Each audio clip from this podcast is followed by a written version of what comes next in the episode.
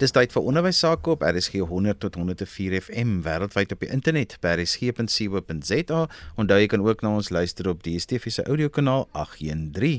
Vandag gesels ons in ons in die onderwys oor 2022, hoe ons reken hierdie onderwysjaar gaan lyk. Ek vra 'n bietjie vandag vir my gaste om bietjie in hulle kristalballe te kyk en 'n bietjie voorspellings te maak van wat is die dinge wat ons vanjaar aan aandag gaan gee, wat is die struikelblokke wat vir ons voorlê, wat is die uitdagings.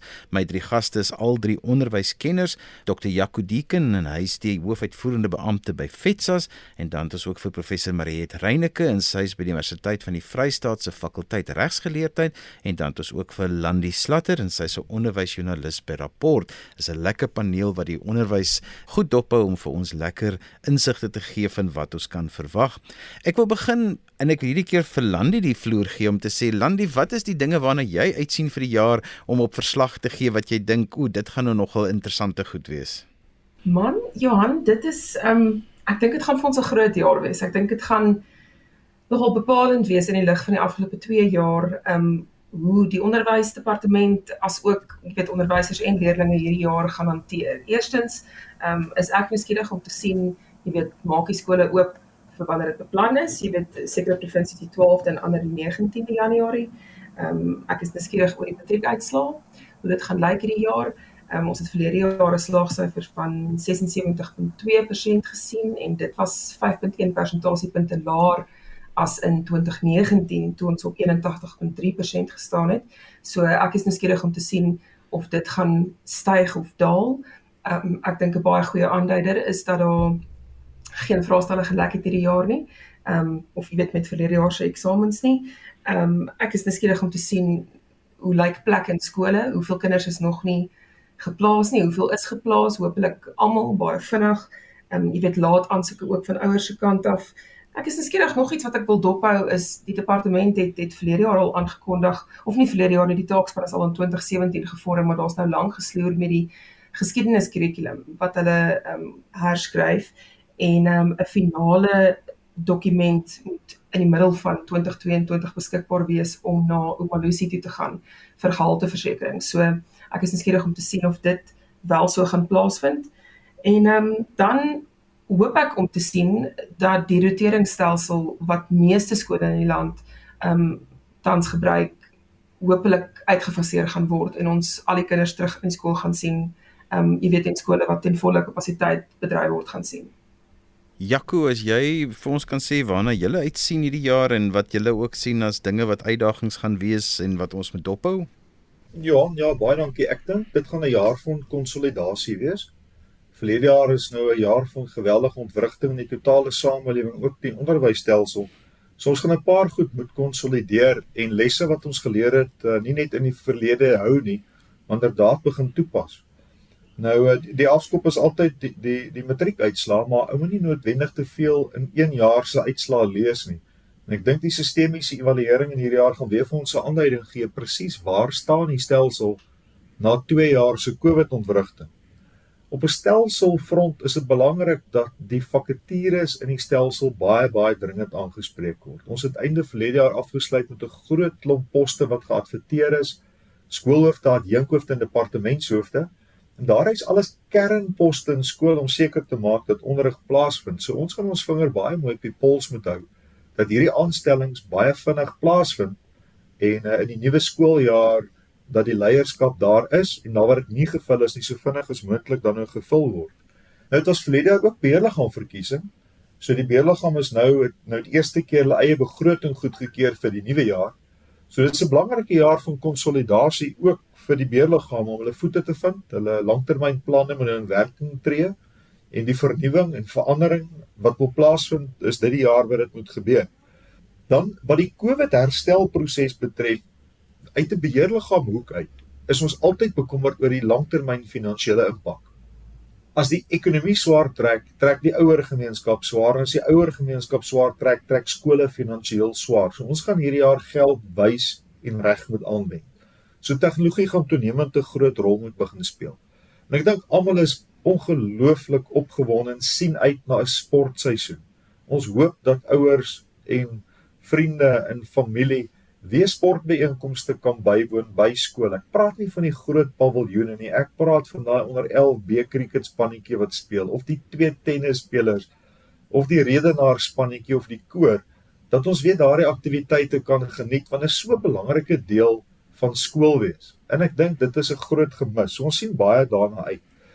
Laat net nou verwys na die kurrikulum en geskiedenis wat uitkom uit 'n uh, stelsel perspektief kyk ons uit na die wysigingswet op onderwyswette wat einde verlede jaar dan nou gedien het by uh by by die kabinet en dan nou in hierdie nuwe jaar deur die parlementêre proses moet gaan. So ons verwag dat die portefeulje komitee van onderwys vir belanghebbendes weer 'n geleentheid sal gee om voorleggings te kan maak voordat hierdie wet dan nou goedgekeur sal word. En daar's 'n paar dubbeltjies in daardie wet waar ons bekommerd is uh, onder andere dat uh, beheerliggame en skoolhoofde en onderwysers gestraf gaan word as kinders stokkies draai. Uh wat 'n laat toevoeging is wat niemand kommentaar kon lewer nie. Maar ek dink in 'n jaar uh, wat die jaar wat voorlê is ons opgewonde. Want dit skep vir ons 'n geleentheid om die lesse wat ons geleer het te gaan toepas. Nuwe energie met beheerliggame wat verkies is, nuwe energie met klop skole wat hierdie jaar ingaan met nuwe skoolhoofde, nuwe leierskap en dit is gewoonlik waar die grootste verandering kan plaasvind. Professor Mariet Reyneke, wat dink jy gaan in hierdie jaar vir ons voorlê en wat vir ons lekker uitdagings gaan wees wat jy voel dit moet aandag kry? Vir vir my dink ek sou die eerste belangrike ding wees om terwyl ons kinders so ver agter is en vaslegging 'n probleem is dat ons ook regtig weer in diepte na die kurrikulum sal kyk. Daar is waarskynlik 'n klomp goed en dit is oralste eintlik bekend dat ons kurrikulums is oorvol en dat ons nie altyd op die regte goed uh fokus in ons kurrikulums nie en dat ons regtig waar hierdie ehm um, geleentheid moet gebruik om her te besin oor wat is regtig nodig en dat ons seker maak dat ons vas lê dit wat ons ons kan nie net van die een ding spring na die volgende ding omdat dit in die kurrikulum is nie. Ehm um, ons moet baie uh, klem lê op vaslegging veral in die grondslagfases. So ek sou sê dat ons daardie geleentheid nou moet gebruik om weer te besin oor die kurrikulum. Dan dink ek is dit belangrik om regtig waar te herbesin oor die gebruik van tegnologie. Ek dink ons het nie genoeg gesprekke oor tegnologie nie en dit is die silwer randjie rondom die donker wolk van COVID is dat ons 'n klomp lesse oor die gebruik van tegnologie in onderwys kon geleer het en dat ek dink 'n klomp van ons ehm um, tradisionele probleme kan dalk deur tegnologie aangespreek word. Byvoorbeeld ehm um, kinders wat addisionele hulp nodig het wat nie die addisionele hulp kry in klasse ehm um, omdat die klasse so oorvol is dat ehm um, as 'n skool genoeg ehm uh, toegang het tot tegnologie dat daardie kinders die vaslegging en die addisionele hulp dalk elektronies sou kon kry of dat die res van die kinders elektronies kan aangaan en die kinder die leerders wat ekstra hulp nodig het dit deur tegnologie ehm um, sou kon kon kon doen. Ek ek dink spesifiek ook aan veral kinders wat ehm um, deur die progressiebeleid van 1 graad na die volgende geskuif word dat ons dalk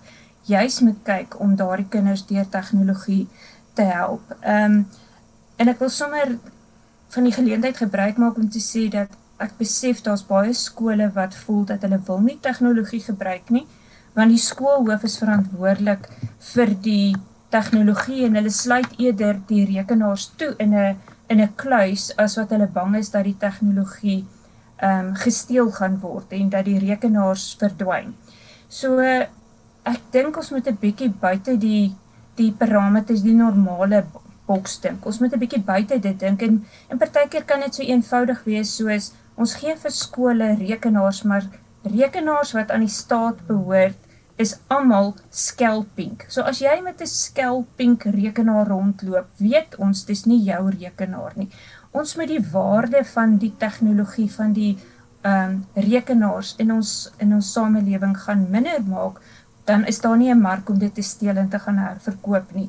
Maar ons het dit definitief nodig.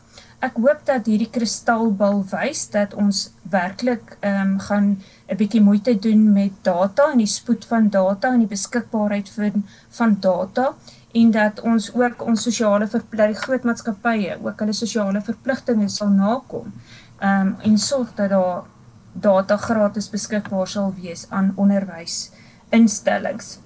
Ek hoop dat ouers in ook in die in die nuwe jaar hulle rol baie ernstiger sal opneem en en regtig waar betrokke sal bly by hulle kinders en en ehm um, produktief en en opbouend betrokke sal wees by by hulle kinders se se op opvoeding.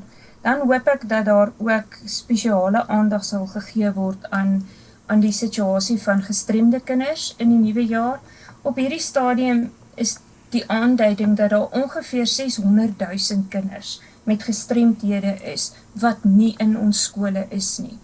Dit is net totaal en al onaanvaarbaar in my boeke en ehm um, hoop ek dat ons in die nuwe jaar ehm um, sal sien dat daar regtig waar ook meer aandag gegee sal word aan toegang tot onderwys vir kinders met spesiale behoeftes. Ek wil graag hê vir julle die kans gee Jaco en Landy en Mariet om 'n bietjie kommentaar te lewer op dit wat julle op die eerste gedeelte van die program gesê het om 'n bietjie by te voeg en te sê wat is julle gedagtes oor wat julle ander paneellede na vore gebring het. Kies iets en dan gesels julle vir my verder daaroor. Jaco, kom ons begin by jou. Ja, ek sou graag wil reageer op Mariet se opmerking oor ons leerders met gestremthede. Ehm um, daar skielik beweging. Ehm um, in die ons praat van die Elsen sektor, uh die ons leerders met spesiale onderwysbehoeftes. Nou, dit is amper die stiefkind in die stelsel en Mariet is 100% reg dat daar's te min skole en te min word gedoen om die kinders selfs in die stelsel behoorlik te versorg en daarom is daar ook nie plek vir klomp kinders wat daar buite is nie. Nou dis 'n duur deel van die sektor. Ehm um, so daar's baie terapete, jou arbeidsterapeute, fisioterapeute, spelterapeute, sielkundiges en maatskaplike werkers wat 'n baie belangrike rol in daardie skole speel. En die oomblik wat daardie uh, professionele mense nie in skole aangestel is nie, maak dit dat die onderwysers hulle professionele taak nie behoorlik kan vervul nie. Daar's soveel boublokkies wat in plek moet kom.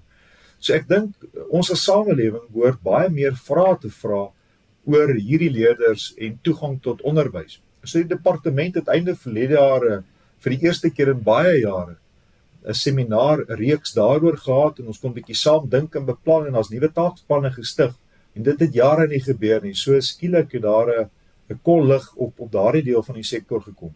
En Johan, 'n ander deel waar ons nog nie gepraat het nie, dit gaan 'n ingrypende verandering in hierdie jaar wees, is dat die kleuterskole of die vroeë kinderontwikkelingssentrums skuif van 1 April af finaal van departement maatskaplike ontwikkeling oor na departement van onderbasiese onderwys toe. En dit gaan nog 'n groot sprong wees want daar's nog nie verskriklik gedoen op die regulatoriese omgewing om die kleuterskooltjies dan nou formeel deel te maak van die onderwysstelsel, die formele onderwysstelsel. Nie, dit word interessant te wees om te sien hoe, dit gaan uitspeel. Ek is op twee redes opgewonde. Nommer 1 is die die gebrek aan 'n raamwerk het gemaak dat daar 'n baie losse struktuur vir 'n baie lang tydperk was. Enige persoon kon eintlik 'n versorgingsplekkie oopmaak en dan het daar nie noodwendig baie ontwikkeling plaasgevind nie. Binne onderwys kan die kundige mense veral in vroeë kinderontwikkeling bietjie programme skryf en hulp en leiding begin gee vir die kleuterskole of die gogos of die oumas wat by die huise na klein kindertjies kyk om te sê wat is daai basiese vaardighede wat ons van kleintyd af eintlik vir die kinders moet leer so op 'n speelspeelwyse dat hulle gereed sal wees vir die formele skoolomgewing.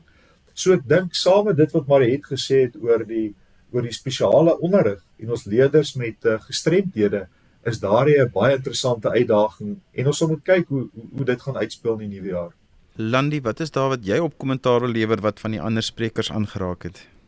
Ja, ja, en ek sal nogal spesifiek 'n bietjie wil gesels oor wat ehm um, Jaco nou gesê het oor oor die skuif tussen, jy weet, van maatskaplike ontwikkeling na die departement van onderwys.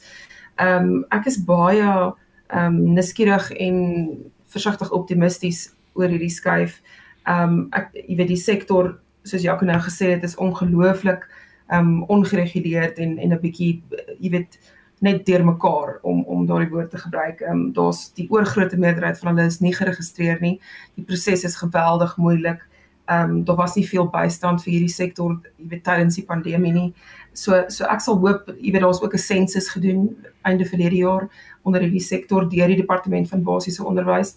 So ek hoop dat daardie data ehm um, jy weet ryk data sal wees en en dat dit data is waarmee ons kan werk en en dat daar 'n bietjie jy weet 'n aangename uh, verrassing kom vir daardie sektor. Ek dink dit het so 'n bietjie agterweë gebly die afgelope ruk en ehm um, ek sien uit vir vir dit wat kom en ek hoop regtig dit is dit is positief. En en dan ook wat wat Marie het gesê het in terme van tegnologie, dit is so so so belangrik en en en sommer dink ek kom onderwyseropleiding. Ehm um, ek hoor baie as ek met met skoolhoofde en beheerliggame en onderwysers praat dat daar 'n geweldige huiwering is onder onderwysers om met tegnologie te werk omdat hulle self nie weet hoe nie. Ehm um, so ek dink as daar en daar is verskeie opleidingsinisiatiewe, maar dit is net nie ehm um, dit dit strek nie ver genoeg nie. En ehm um, vir 'n onderwyser om self nie lekker te weet hoe om 'n tablet te gebruik of of 'n selfoon of hoe om lekker, jy weet, dokumente rond te stuur of opnames te maak of jy weet lesse pret te maak vir leerders nie. Ehm um, kan mens nie verwag dat 'n leerling dan met daardie tegnologie ook werk nie. So ek dink dit sal vir almal 'n positiewe ding wees en ook baie gerusstellend wees as onderwysers ordentlike opleiding ontvang om met tegnologie te werk en dan dink ek ook dis belangrik om net te noem, jy weet mens moet nou nie die ding vooruitloop nie. Dis nou een ding om te sê ons wil vir almal ehm um, dis nou 'n noodgedwonge ding om om weer op kinders toestelle moet gebruik om om skool te gaan, maar onder normale, jy weet in aanhalingstekens omstandighede is dit jy weet ons moet ons moet eers kyk na skole wat nog pittoilette het, skole wat se dakke in mekaar sak. Daar's nog letterlik skole wat van modder gemaak is. Daar's modderstrukture nog in ons land in Suid-Afrika tans. Ek dink nie mense besef dit noodwendig nie. Daar's jy weet mense spot baie keer of daaroor, maar dis ongelooflik hartseer. Daar's regtig kinders wat buite onder 'n boom sit en en en skool gaan. Daar is nie 'n badkamer om te gebruik by hulle nie. So ek dink ons moet net en ek weet prof Marie het dit net nou ook oor oor infrastruktuur en die trae reaksie in terme van die herstel van hierdie infrastruktuur gepraat.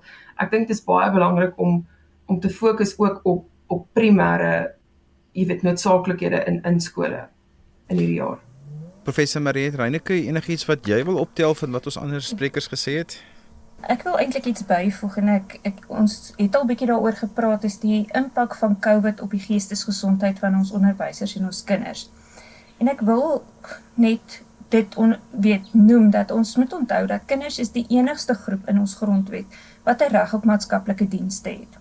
Tans is daar 'n geweldige tekort aan maatskaplike werkers in ons skole en dit is net skole wat self on, uh, maatskaplike werkers kan aanstel wat maatskap vol, maatskaplike werkers voltyds in hulle skole het.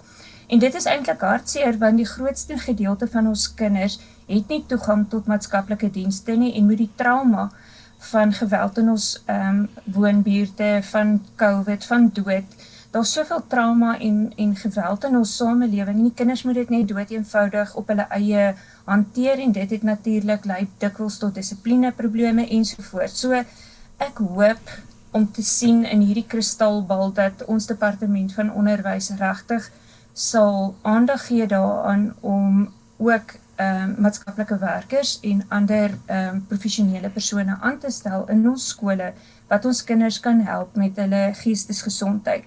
En dit bring my eintlik by eintlik 'n bietjie van 'n 'n vrees vir die nuwe jaar is dat ons ons kurrikulum gaan oorbeklemtoon. Ons is nou 'n jaar of 2 agter met die kurrikulum en dat ons dan soveel aandag aan die kurrikulum gaan gee dat ons nie gaan aandag tyd en aandag gaan gee aan die vaslegging van waardes en van die sagte vaardighede wat ons kinders nodig het vir die toekoms nie. So ek hoop regtig waar dat dit ehm um, inderdaad ehm um, goed is wat wat wat ons hoop om te sien in die toekoms dat dat daar aandag daaraan gegee kan word. Ehm um, die paar maatskaplike werkers wat die departement aangestel word, is glad nie in staat om die om die gevalle lading te dra nie en daar is net heeltemal te veel kinders wat ehm um, gedragsprobleme het en dit eintlik op daai manier dan ook die onderwys van ander kinders in gedrang bring.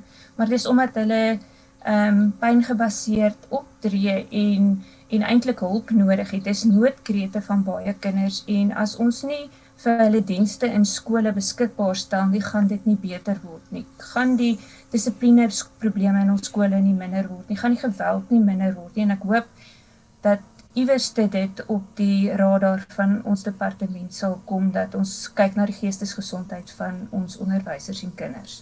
Maar jy het dit nou sommer my laaste vraag klaar geantwoord. Nou wil ek graag by Jaco en Landi ook hoor, wat is julle grootste vrees wat julle so hoop hierdie onderwysjaar nie gaan bewerkstellig nie, Jaco? Ja, ek hoop nie ons gaan net eenvoudig terugskuif na die ou weë wat ons voor Covid gevolg het nie. Party skole het 'n oordrewe 'n prestasie wil amper sê obsessie gehad. Dit gaan oor die trofeekas en dit gaan oor 'n bepaalde sport of 'n bepaalde rugby span dat hulle eintlik jou kernbesigheid vergeet het. Of onderwysers het so metodies deur die jaar gegaan dat dit amper 'n meganiese herhaal van elke jaar maar herhaal ek maar wat ek die vorige jaar gesê het dat ons die stuk kreatiwiteit wat ontstaan het tydens Covid en die feit dat ons video begin integreer het en begin opneem het en begin data op 'n inligting op 'n nuwe manier aan die leerders begin oordra dat ons op daardie manier sal voortwerk. Dat ons gaan kyk na 'n gemengde of 'n vervlegte leermodel vir die toekoms. Dan ek dink sport en kultuur is geweldig belangrik in skole. Maar uit 'n opvoedkundige hoek uit en uit 'n ontwikkelingshoek uit. En dat ons sal terugkeer na na daardie rede. Hoekom hoekom het ons sport? Hoekom het ons kultuur by die skool en uh hierdie oordrewe prestasie van rugby spanne en direkteure van sporte by skole en hierdie koop van kinders wat terloops totaal onwettig is dat ons daarvan gaan ontslaa raak. Ek hoop dat ons nie nuwe jaar die fokus gaan sit om te sê elke kind is belangrik en elke kind tel en dat jou skool die beste skool gaan wees vir die kinders in jou skool.